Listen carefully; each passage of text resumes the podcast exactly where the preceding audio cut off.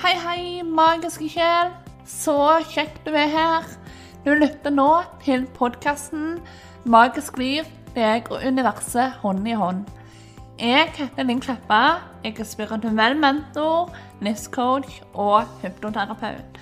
Og sammen med mitt personlige åndeteam og resten av universet, så skal jeg her dele med deg temaer innenfor spiritualitet og selvutvikling. Den perfekte kombinasjonen, spør du meg.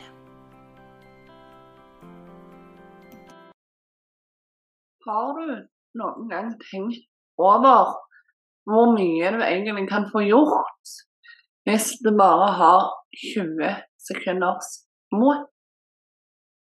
Det skal jeg prate litt om i denne episoden her. For det dette med frykt hun som har fulgt meg eh, om så bare en liten stund, vet nok eh, hvor opptatt og hvor mye jeg brenner for eh, dette her med å kaste frykten på dør. Eh, og se frykten i øynene og bare gjøre det uansett. Og hvilken effekt det kan ha på eh, deg personlig, men òg livet ditt. Og det er òg nettopp det som er en av grunnene til at jeg valgte å lage en liten sånn minikurs om nettopp dette med bl.a. frykt. Som vi har valgt å kalle 'Kast frykten på dør'. Og i det minikurset som, så er denne historien som jeg nå skal dele, del av det. Fordi at det belyser veldig godt, syns jeg, dette her med um, hvor stor Altså hvor mye du kan påvirke eh, med bare 20 sekunders mot. For du kan tenke at hvor, hvor, mye har det egentlig å si om jeg bare utviser 20 sekunders mot? 20 sekunder, det er jo ingenting. Det er jo Ja, nå rekker jeg nesten ikke å tenke en tanke engang. Men faktisk så får du gjort ganske mye på 20 sekunder. Og da er det viktig å huske at det handler jo ikke om at du skal bli ferdig med den tingen du pukker deg ut i på 20 sekunder. Men du skal hoppe ut i det. For når du først er ute i det, da er det liksom gjort. Og det meste kan du hoppe ut i om du bare har 20 sekunders mot. Så eh, det var iallfall et eh, sitat som virkelig traff meg rett i hjertet når jeg hørte det for første gang. Eh, og det var i en film. Dette her med at du kan utvise 20 sekunders mot, og så får du gjort all verdens. Jeg har skikkelig gjenklang i sjelen min, og jeg bare tenkte at dette må jeg teste ut. Og så bøy anledningen seg. Så det som jeg gjorde, det var at jeg eh, var invitert på en sånn stor fest med mye mennesker. Det var livemusikk, det var dans og bare god stemning. Og det var liksom eh, Ja, to-tre år, vel antageligvis ute i den selvutviklingsprosessen min som starta i 2015. Eh, så jeg hadde jo begynt å bygge opp selvfølelsen min, jeg hadde begynt å bygge opp selvtilliten min. Jeg hadde begynt å se meg sjøl i et annet lys. Og begynt å innse at mye av makta lå i mine hender egentlig all makt i mine hender.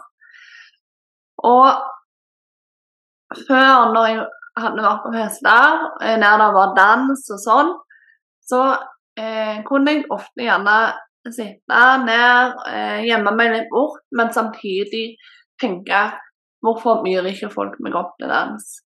Altså Å kunne ta det personlig, sant. Det er den indre kritiker som snakker i egoet, som eh, virkelig tar og pøser på med negative utsagn som ikke har rot i virkeligheten.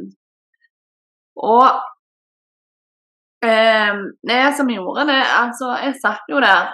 Det, kroppsspråket mitt det er jeg nokså sikker på sa noe helt annet enn at Kommer vi med på dans, jeg har veldig lyst til å danse. Jeg var sammenkrøpen, jeg var usikker, og på en måte så hadde jeg jo veldig lyst til å danse, men på en annen måte så var jeg jo egentlig redd for å ikke være Altså, jeg kan jo ikke danse, men jeg elsker å danse. Og den ting. Eh, men så så jeg jo hvor kjekt alle de andre hadde det, eh, de som ble budt opp til dans. Og og alt det der der. Og med denne festen, da, som møtte i meg Nå skal jeg ikke og vente på at noen skal skape magi for meg. Jeg skal skape den selv. Og en av måtene jeg skal gjøre det på, er å faktisk ta ansvar over livet mitt, praktisere 20 sekunders små, og gå all in på det jeg har lyst at kvelden min skal bringe meg. Jeg bestemte meg bare for å ha det time of my life, og det ble det jaggu meg sann òg. Og det er uten særlig mye alkohol i bildet, for jeg har nevnt flere ganger før til deg som har fulgt meg en stund, at jeg ikke er noen stordrikker, har aldri vært full, har vel egentlig aldri vært noe særlig her, men det Eh, så du kan ikke hylle på alkoholinntak. Det er poenget mitt når det gjelder denne historien. Så Så hva hadde jeg lyst til på denne kvelden? Jo, jeg hadde lyst til å danse, jeg hadde lyst til å kose meg. Jeg hadde lyst til å bare ja, prate med mennesker, bare ha det kjempekjekt. Og hvordan skulle jeg få til det, tenkte jeg. Det var å slutte å vente og heller ta ansvar og ta proaktive valg for å få det jeg ønsket meg til å skje. Så jeg skulle ikke være den veggfryten som jeg alltid gjennom livet hadde vært før. Nå skulle jeg være den jenta som bare sa 'Her er jeg, har du lyst til å danse?' og så danse. Jeg skulle ikke sitte og vente på at noen bøy meg opp til dans. Jeg skulle ta saken i egne hender og danse uavhengig av no om noen ville danse eller ei. Og det er det det handler om. sant? Du må ta og ta ansvar over livet ditt. Det nytter ikke å sitte og vente på at noen skal redde deg. Redd deg sjøl. Så tenkt, så gjort. Jeg gikk til den ene etter den andre og spurte om han hadde lyst til å danse.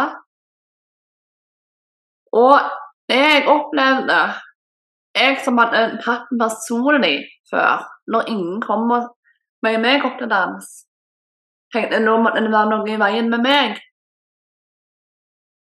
Det var noe at jeg ikke var god nok. Det var noe at eh, alle andre var så mye bedre enn meg, så mye finere, så mye nytt og så mye datt. Um, det jeg opplevde, det var jo at når jeg spurte, så sa de jo ja. Så det handla ikke om meg noen gang. For det jeg ikke hadde tenkt over, det er jo at det koster like mye for en mann å be ei dame til dans, som det koster for en dame å be opp en mann til dans. Så hvorfor sitter vi der og venter på at en annen skal ta initiativet? Når det koster like mye for den andre personen å ta initiativet, så det det koster for deg å ta initiativet. Det ga meg noen aha-opplevelser, kan du si. Og det det endte med, det var jo som sagt at alle jeg spurte, sa ja, utenom én person.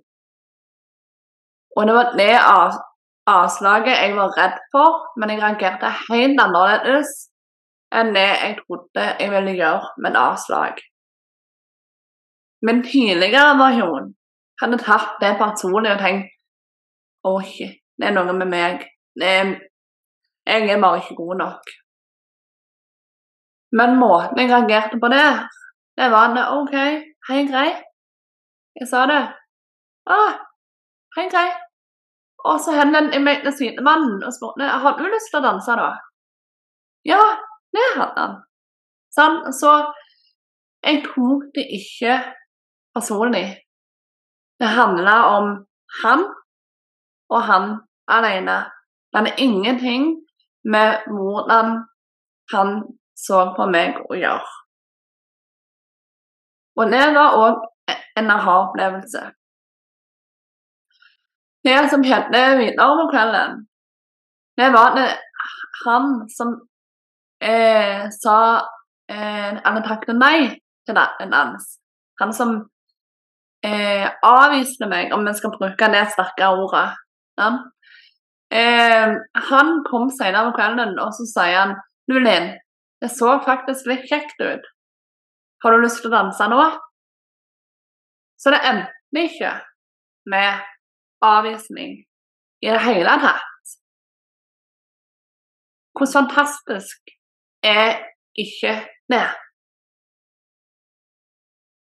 Og det som òg var veldig fascinerende, det var at jeg satt ikke på meg lenger rumpa i det hele tatt den kvelden.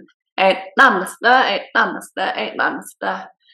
Og det som òg skjedde, det var at menn begynte å spørre meg om til dans, så de jeg ikke spurte sjøl, de spurte meg. For jeg hadde den energien. Jeg elsket å danse. Jeg tok ansvar for min egen lykke. Jeg forventa ikke at andre skulle komme og spørre meg. Jeg spurte de jeg hadde lyst til å spørre, og så spurte andre meg, da. Det var den energien jeg tiltrakk meg. Og jeg hadde virkelig the time of my life. Og kvelden endte i grunnen med at eh, jeg kom i snakk med en som var kjent, altså en slektning som har kjent meg hele livet. Og så sier, han Du Linn, jeg har sett på deg hele kvelden. Og det ser ut som du har det så utrolig kjekt. Hva er nøkkelen? Hva er koden? Og han, han jo som, har jo som sagt kjent meg hele livet.